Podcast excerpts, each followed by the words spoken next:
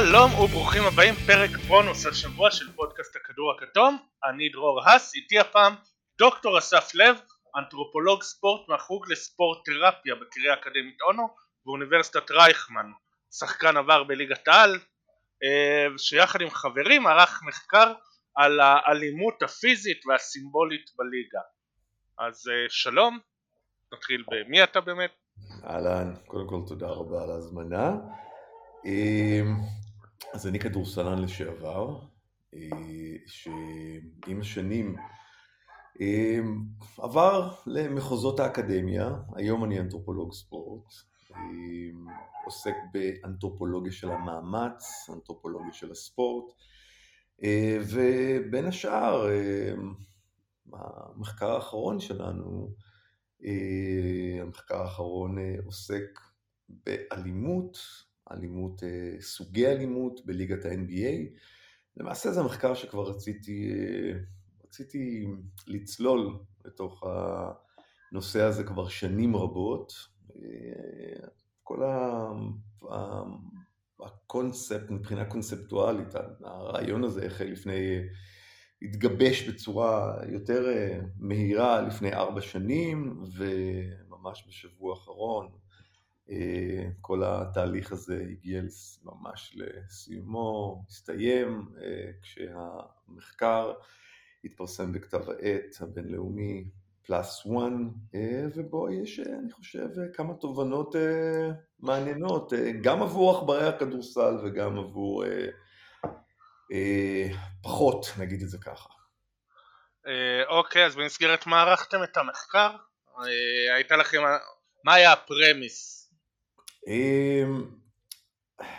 אז למעשה, אני כבר שנים שואל את עצמי לאן האלימות ב-NBA נעלמה. זאת אומרת, האלימות הגופנית, האגרסיביות.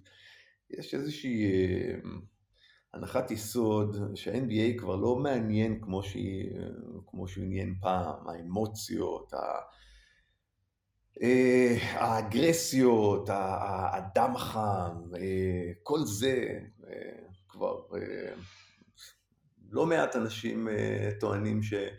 שוב, ה-NBA כבר איבד, איבדו עניין כי ה-NBA כבר הפך להיות, נקרא לזה, סטרילי.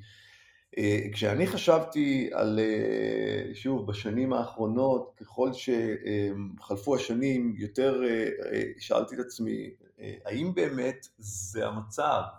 אז נכון, מצד אחד אני צופה הדוק, כמובן עד כמה שניתן, הכל יחסי, אבל אני בהחלט רואה שהאלימות הגופנית אה, הולכת ופוחתת, בטח ב-NBA, אה, והתחלתי לנבור והתחלתי קצת לשאול את עצמי מה התפקיד של דויד סטרן בכל הסיפור הזה.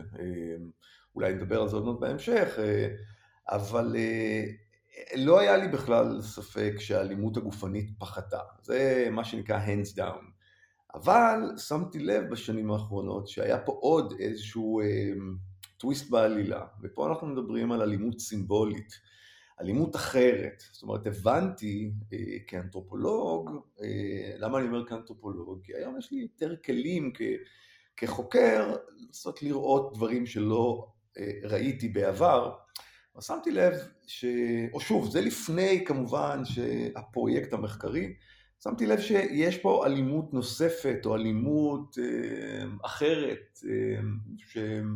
שחדרה לתוך ליגת ה-NBA ובכלל אני אומר, אני, אנחנו נדבר על זה בהמשך, גם לליגות המקומיות שלנו ולמגרש, ולמגרשי המשחקים באופן כללי, אה, והבנתי שאין ואקום, אין באמת ואקום, האלימות קיימת פה, רק היא פשוט שינתה צורה, היא עברה איזושהי, אה, זה מוטציה אחרת של אלימות, אה, ואני טוען שזו אלימות גם מסוכנת יותר. אז הרמתי את הכפפה והחלטתי לבחון את זה.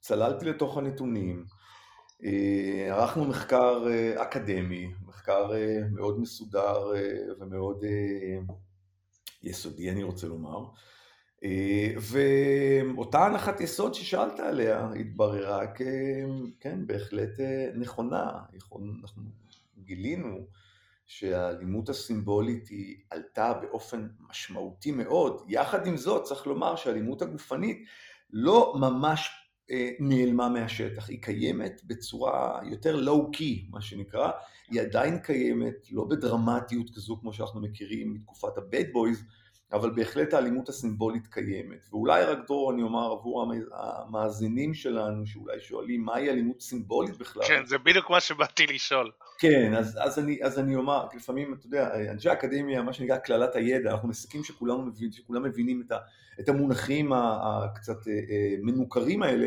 אז בואו רק ננגיש אותם. אלימות סימבולית בניגוד לאלימות גופנית, או יותר נכון אלימות פיזית, אלימות סימבולית זו לא אלימות אה, שמערבת אה, מכות, אה, אה, אגרופים, אה, זה גם לא אלימות מילולית כמו שאנחנו מכירים, של קללות או, או אפילו מתן פקודות. אלימות סימבולית זו אלימות מאוד זהירה, אלימות שבאמצעותה אני מקטין את האדם שנמצא מולי, ואני יכול לעשות את זה באמצעות לא מעט, לא מעט איזה שהן מחוות גופניות, אה, איזה שהן, אה, כל מיני פרפורמנס, כל מיני bodily performance. במובן הזה אני יכול לעשות אה, דברים כמו להפגין במגרשי הכדורסל, אנחנו יכולים לראות אנשים שיורדים להגנה ומפגינים מפגינים את, את שריריהם בדרך, בדרך לה, שיורדים להגנה, כל מיני trash talk ים קטנים, אה, dunk, אה, כל ה posterizing הזה שאנחנו מכירים אותו, אה, הוא, הוא הפך להיות אלימות סימבולית אחת גדולה. crossover, שבירת קרסוליים כמו שאנחנו מכירים. פעם אם נלך אחורה להיסטוריה, היסטוריה של NBA, dunk על הפנים הוא היה כל כך ניטרלי והוא לא הצריך שום תגובה מיוחדת. לא היה בו באמת איזשהו משהו מיוחד. היום להטביע לשחקן על הפנים, יש פה אקט משפיל. crossover ימינה או שמאלה של שחקן כזה או אחר, שאותו שחקן הגנה נזרק ימינה וחלילה וחס גם מועד, אנחנו מדברים עוד איזשהו, יש לזה אקט מאוד חזק, מאוד משפיל. אז אותה אלימות סימבולית זה באמצעות סימבולים, באמצעות מערכת של סמלים, אנחנו מקטינים את האדם מולנו, מצמצמים את, האפשר, את האפשרויות שלו, מצמצמים את האפשרויות שלו להתקדם, אה, וכמובן על חשבון אותו אדם אנחנו מקדמים את האינטרסים של עצמנו. אני מקווה שזה היה קצת ברור, אבל... אה, כן, אני זוכר שכשקראתי את ההגדרה של אלימות סימבולית עלה לי בראש דריימונד גרין כנער הפוסטר של ההגדרה הזאת. של, שהוא בערך עונה לך על כל, כל מה שאתה אמרת עד עכשיו הוא בערך עושה. אתה את יודע מה, אני דווקא, לא זה מעולה שאתה אומר את זה, אני דווקא הייתי הולך, אה, אחד ה... אתה יודע, זה כאילו אולי קצת אפילו נדוש ללכת לכיוונים האלה, אבל, אבל אה, אם אני לא, אם אני לא טועה, זה היה, אתה יודע מה, תתפוס אותי, אני חושב שזה היה ב-2000, מתי זה היה ב-2004? אולי 2000? שמה? אנחנו מדברים כרגע על הדנק האימתני של וינס קרטר. בדיוק רציתי לשאול אותך, כי אמרת על פרדריק וייס ב-2000. פרדריק וייס. שהוא גמר לו את הקריירה. גמר לו את הקריירה. לא סתם, אה, אה, באמת, אה, אני לא חושב שזה, זה לא מפתיע באמת שהדנק הזה, הדנק הזה נתפס ובכלל קיבל את הכינוי דנק המוות. אה, ואפשר גם להבין למה, פרדריק וייס הפך להיות אה, באמת אה, חוכה והתלולה, זה, זה הפך להיות, כל הסיפור הזה הפך להיות מין לעג, מה, מה אני, איך, איך, אני לא יודע אפילו איך לומר את זה, אבל, אבל זה היה פשוט מביך, מביש, ירד למחתרת ומסתבר שלצערי הרב אני, ולצערו הרב, אני חושב ש... מה שיזכרו לפרדריק, ווי, לפרדריק וייס זה, באמת אה, את הדנק האימתני, אה, אבל יש עוד ועוד ועוד דוגמאות. נכון, הנה, השבוע התלהבנו מפוסטר של אנדרו ויגינס, אתה אנתרופולוג ולפי לא מעט תיאוריות אנתרופולוגיות, אה, ספורט הוא סוג של תחליף למלחמה. האם אלימות סימבולית היא לא... היא בהכרח שלילית, היא לא אפילו יכולה להיות חשובה? תראה, אמ, אולי קצת נלך אחורה ונדבר על, אמ, ונדבר על, ה, על הפעולות שביצע אמ, אה, דויד סטרן, הקומיס, הקומיסנר האגדי אה, אה, של ה-NBA, שבאמת עלה לשלטון ב-86, עלה לשלטון, 84, סליחה, וב-80, ואנחנו צריכים להבין שמה שדייוויד סטרן עשה, אה, הוא היה micromanager לא קטן. הוא ניהל את הליגה ביד רמה, הוא אה, אה, הטיל סנקציות מאוד גבוהות כבר מההתחלה. היה פה ליגה של, עם תדמית לא טובה, הוא ניסה לעשות marketing מאוד חזק. הוא הטיל קנסות על שחקנים שלא עומדים נכון בהמנון, שמבלים במועדני לילה, שמתלבשים בצורה לא, לא ראויה, ועוד ועוד, זה רק חלק קטן.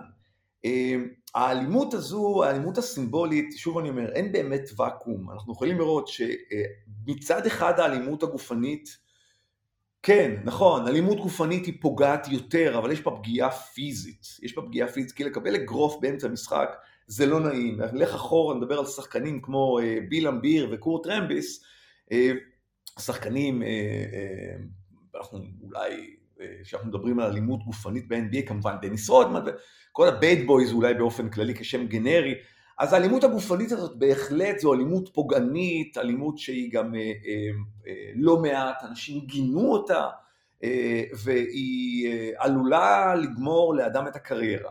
נכון, אה, היא הייתה חלק מהמשחק, אה, אבל יחד עם זאת, צריך לזכור שהאלימות הסימבולית היא, אה, כן, היא בהחלט חלק מהמשחק, היא יכולה להיות חיובית, כי אנחנו יכולים לראות שהרבה אנשים מחקים אותה, ו, והיא לא, אולי היתרון, אני חושב, המרכזי שלה, שהיא לא פוגעת באופן גופני. זאת אומרת, אין פה איזשהו, אין פה אמ, הסיכוי, הסיכוי אה, להיפצע פציעה פיזית מאלימות סימבולית הוא לא באמת קיים. אבל לשאלתך, אתה שואל האם היא יכולה להיות חיובית?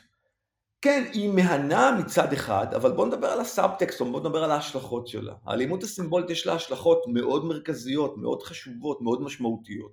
האלימות הסימבולית יכולה בקלות, בקלות כמו דיברנו על פרדריק וייס, אבל לא רק, יכולה אה, לייצר איזושהי פגיעה פיזיולוגית, אה, סליחה, פגיעה פסיכולוגית, פגיעה תדמיתית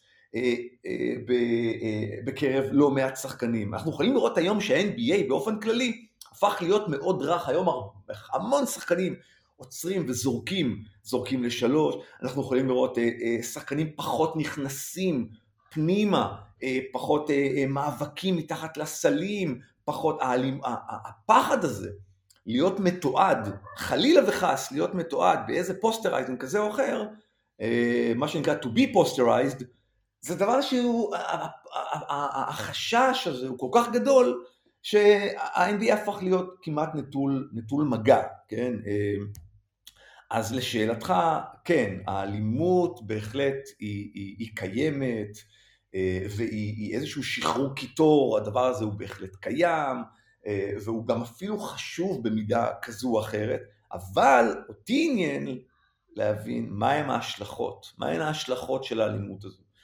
אה, אז אני מקווה שעניתי לך, אה, ואם לא, אז לא נורא תשאל אותי עוד פעם. כן, זה למרות שיותר התכוונתי האם היא בהכרח שלילית, לא האם היא חיובית, יש איזה הבדל קצת. אז אני, אז אוקיי, אז אני, אז אני, אז בהמשך למה שאמרתי, אני אומר למה, למה אני חושב שהיא שלילית, אה, כי, תראה, האלימות הזו היא מחלחלת הלאה.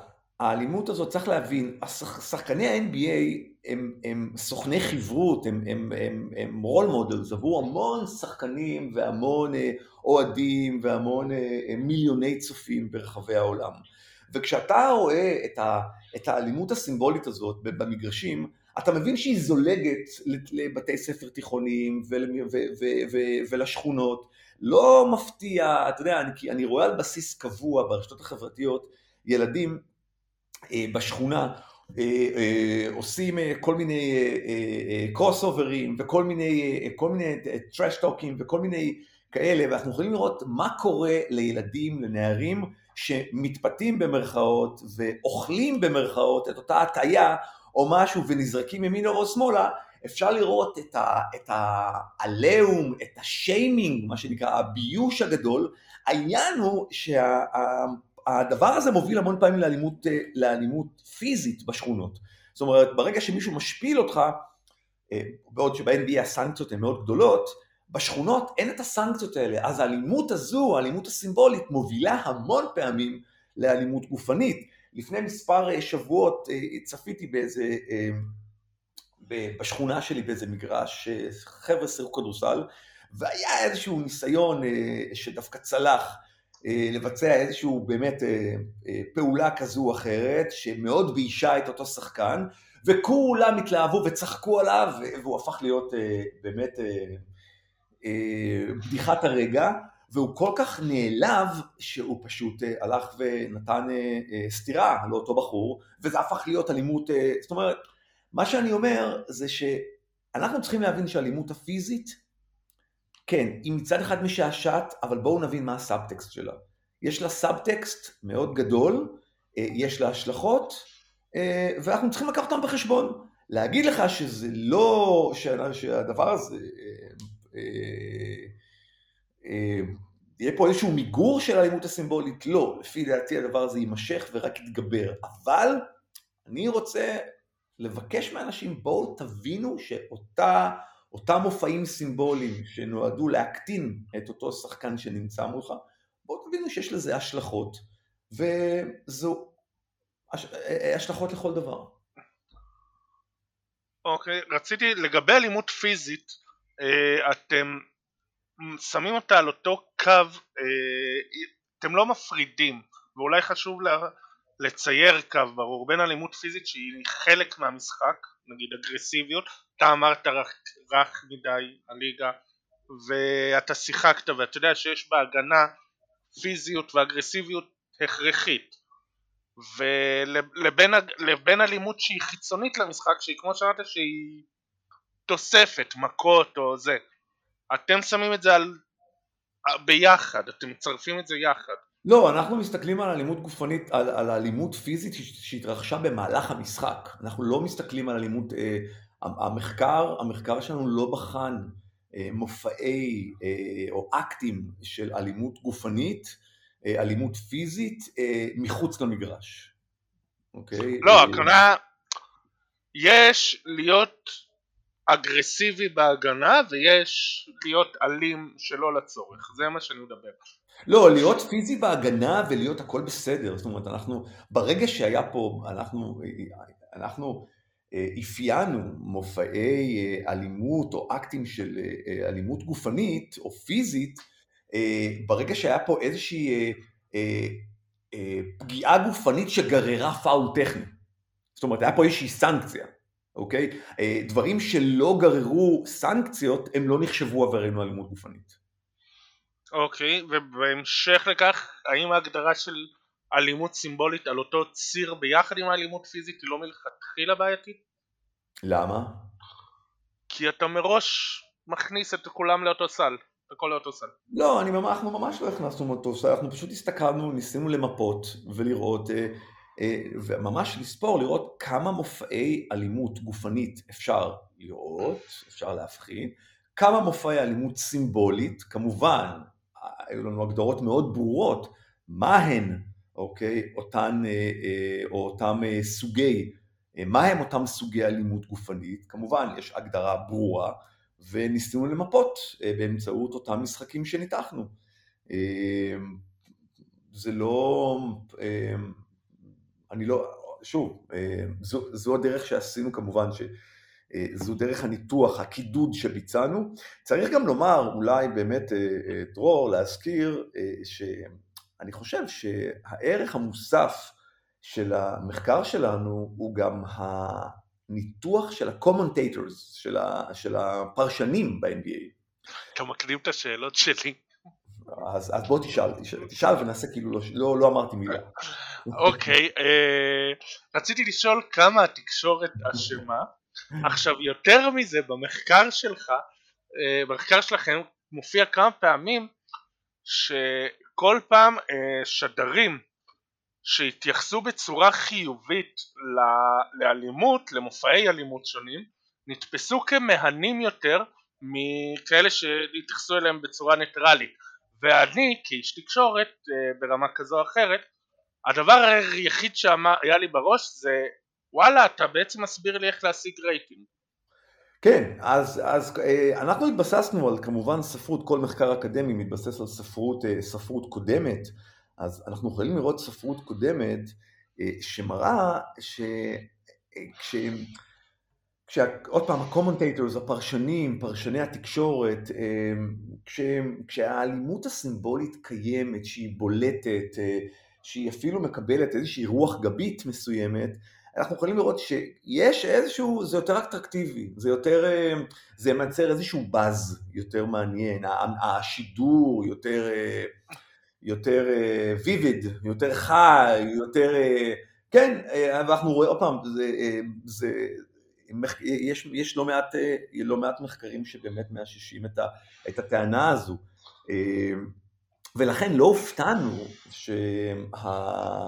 שהפרשנים ב-NBA הם, הם, הם עודדו יותר אלימות גופנית. תראה, צריך לזכור שאנחנו בחנו את תשומת הלב ואת הטון, זאת אומרת ניתחנו איך הם, איזה תשומת לב הם יפנו לאותם אקטים של אלימות ובאיזה טון הם תיארו את זה.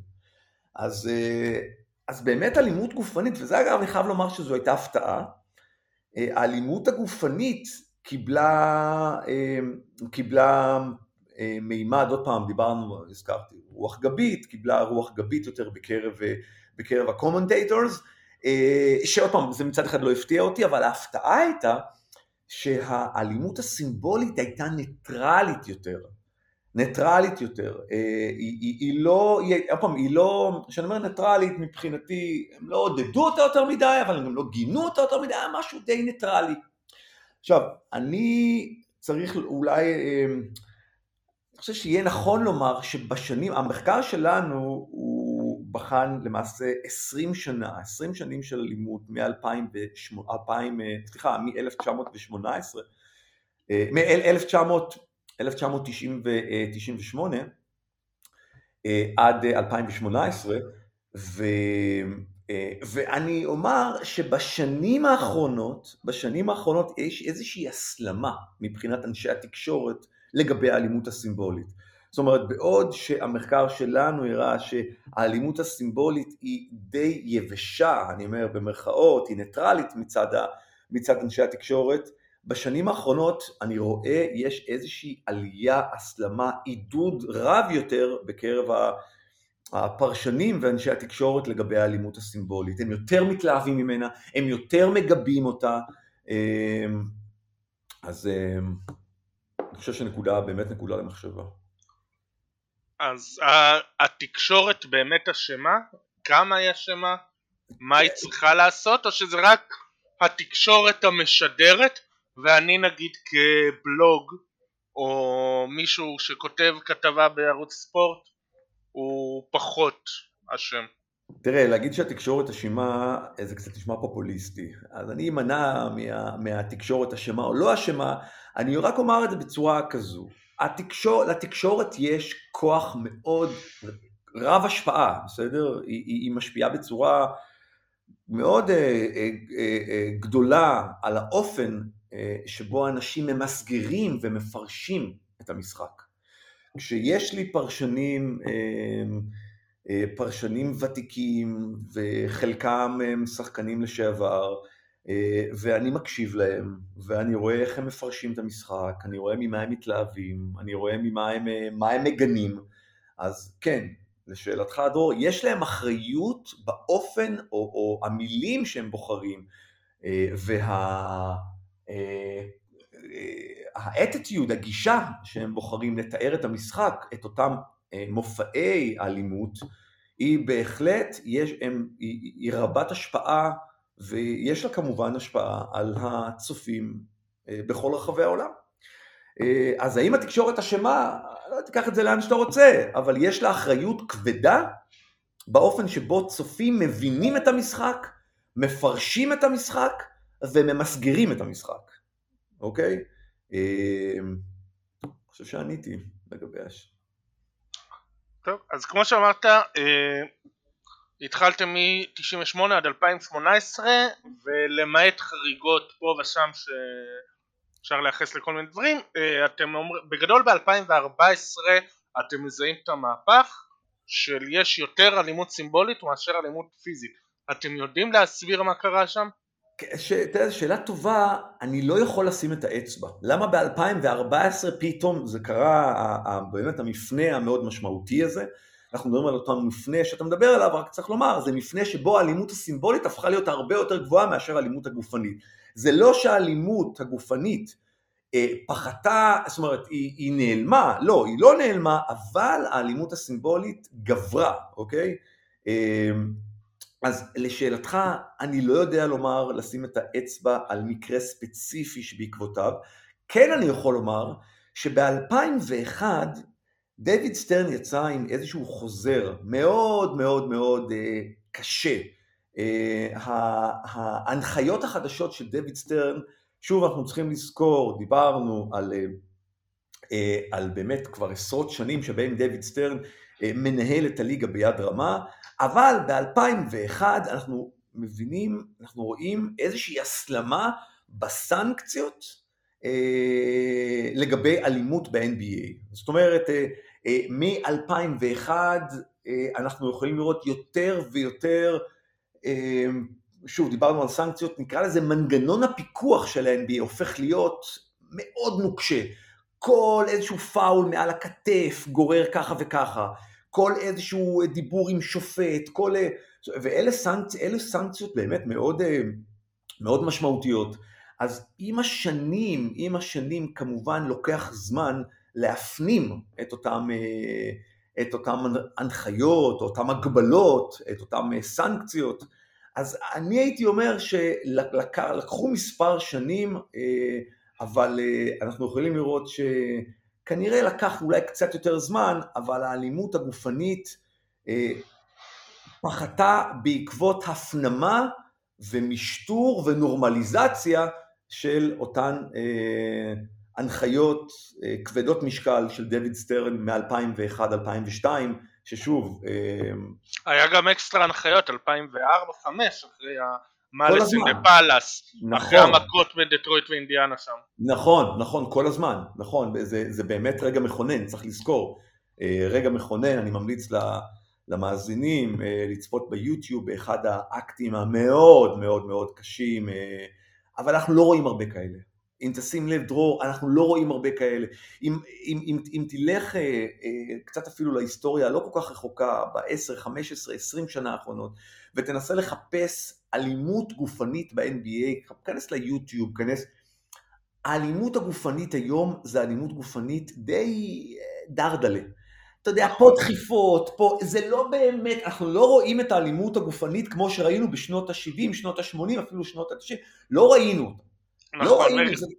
גם כשכאילו הם הולכים לעשות מכות, הם רק עושים כאילו. זה רק תחזיק אותי, בדיוק, כן. תחזיק אותי, כן? אז במקרה הגרוע יש דחיפה, ופה זה מסתיים בפאול טכני לשני הצדדים, אבל האלימות, שאנחנו שוב, אני מזכיר את אותם אה, אה, שחקנים, נכון שהם היו, עשו קריירה על אלימות, דיברנו על ביל אמביר הגדול, האגדי, דטרויט פיסטונס, הזכרתי גם מקודם את אה, קורט רמביס, וכמובן דניס רודמן שעשה, אבל אנחנו לא רואים את זה יותר. אנחנו לא רואים את זה כי שוב, דויד סטרן ידע לנטרל את האלימות הגופנית.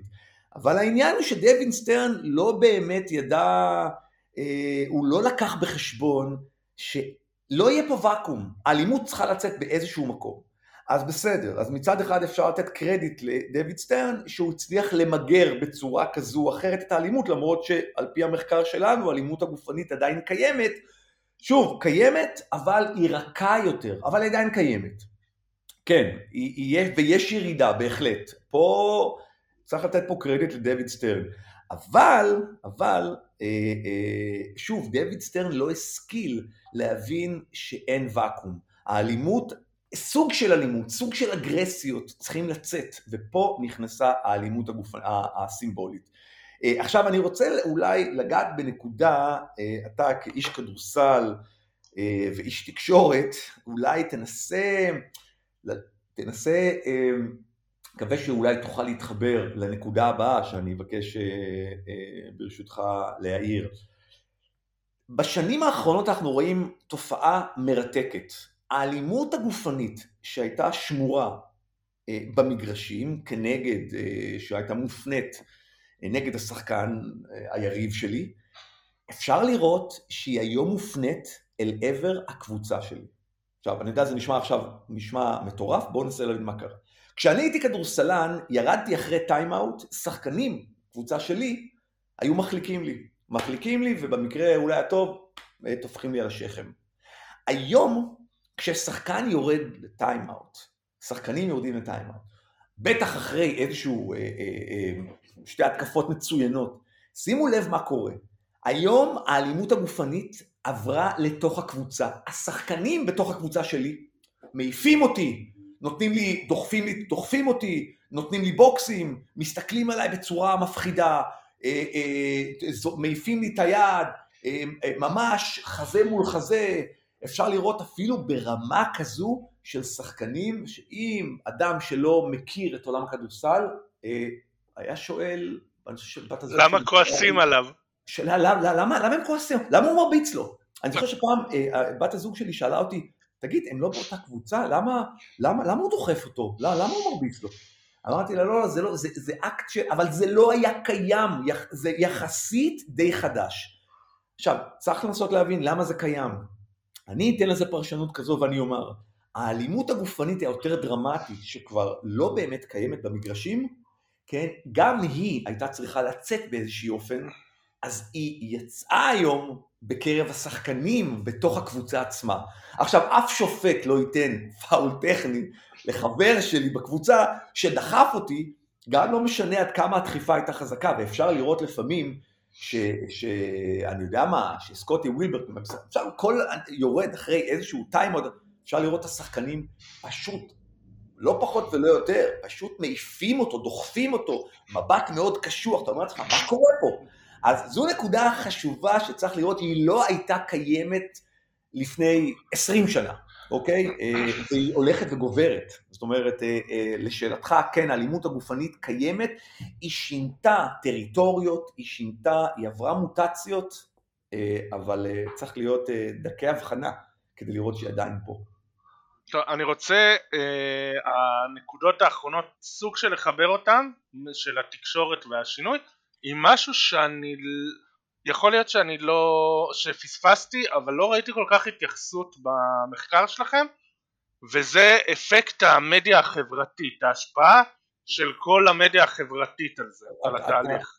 אתה צודק דרור, אין לנו, אנחנו בסוף, אתה יודע, אמ, בסוף חוקרים צריכים להיות, אה, צריכים להיות, אמ, סליחה, צריכים להיות מאוד, אה, אה, לא יכולים, לא יכולים גם וגם וגם וגם וגם וגם, כן, המחקר שלנו בהחלט דורש מחקרי המשך. אה, אנחנו מאוד הייתי, אה, מאוד, אני ממליץ ואני מעודד אה, חוקרים לקחת את המחקר הזה הלאה לרשתות חברתיות, לענפי ספורט אחרים ועוד ועוד. אנחנו לא התייחסנו לרשתות החברתיות, אתה צודק, אבל אני חושב שדי בהתחלה אמרתי שהאלימות הסימבולית היום פורחת ברשתות החברתיות.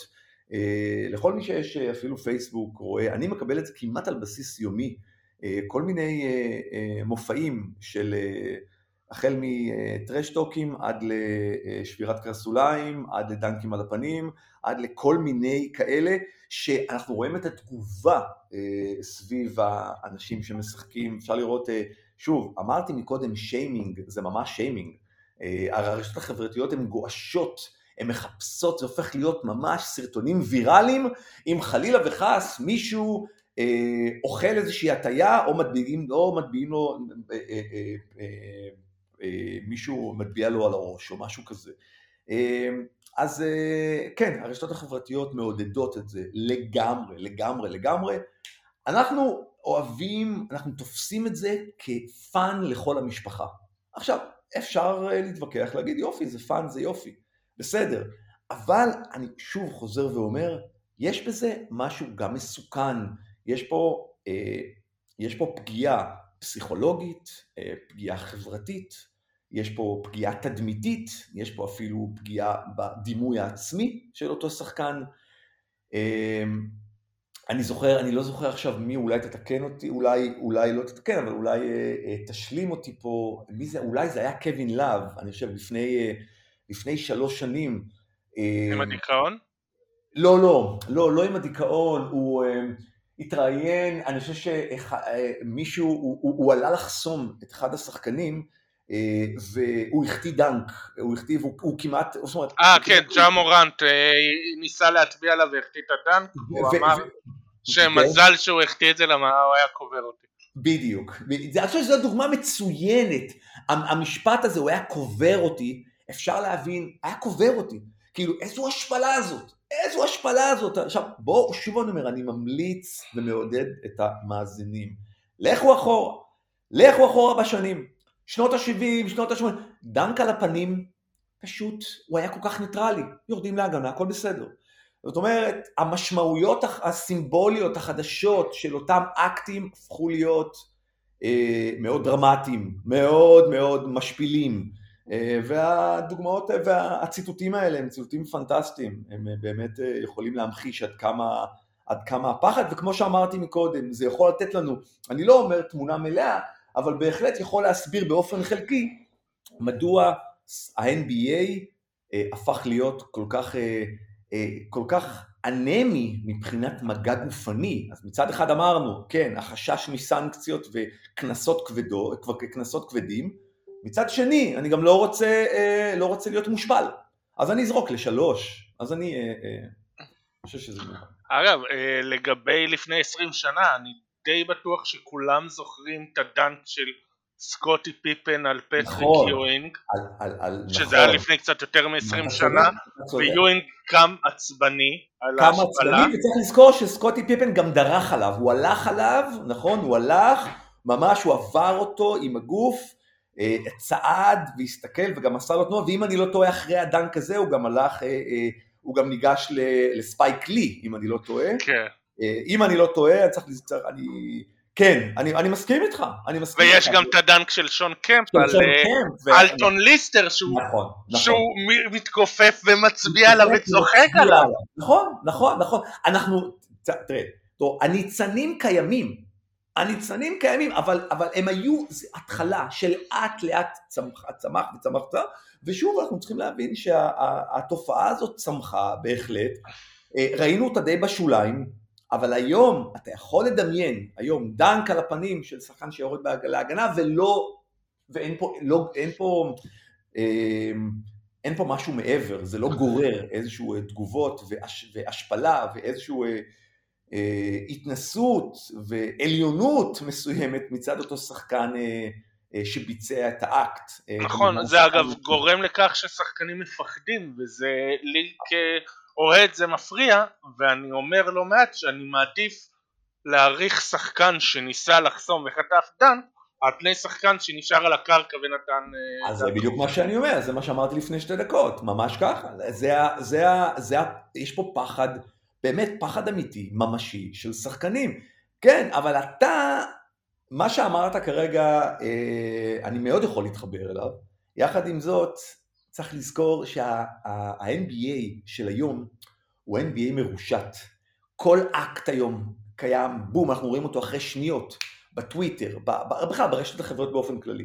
עכשיו, זה נחמד מאוד, נחמד מאוד שאסף ודרור, אה, או, או, או, או בכלל, אה, לא משנה מי, אם אנחנו מעריכים את אותו שחקן, אבל קיתונות התגובות באמת שאותו שחקן יקבל, זה לא שווה, אה, זה פשוט לא שווה. אחר כך זה גם, אתה יודע, הדברים האלה הופכים להיות ממים אחר כך. כל מיני ממים מביכים, אה, ששחקנים לא, לא, לא, לוקחים את ה, לא לוקחים את הריזיקה. אוקיי, התוצאות המחקר שלכם התאימו לתיאוריה שלכם? למה שחשבתם בהתחלה? אמ, אז עוד פעם אני אומר, אני אה, כיוזם המחקר הזה, אה, שבאמת באתי מהרעיון ואחר כך צירפתי מספר אה, קולגות שלי למחקר, אה, הנחות היסוד שלי והנחות השערות המחקר, נגיד את זה אולי ככה, למרות שהאנתרופולוגים פחות מדברים על השערות מחקר, אבל במקרה הספציפי הזה, לצורך הדיון, הייתי אומר שכן, הייתי אומר שהממצאים שלנו עולים בקנה אחד עם השערות המחקר, אה, מה ש...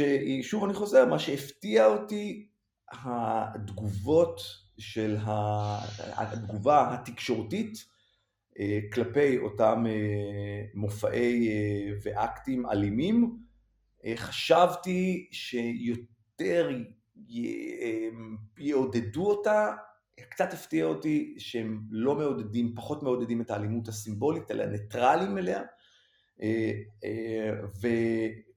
ולא הפתיע אותי לגבי עידוד האלימות הגופנית.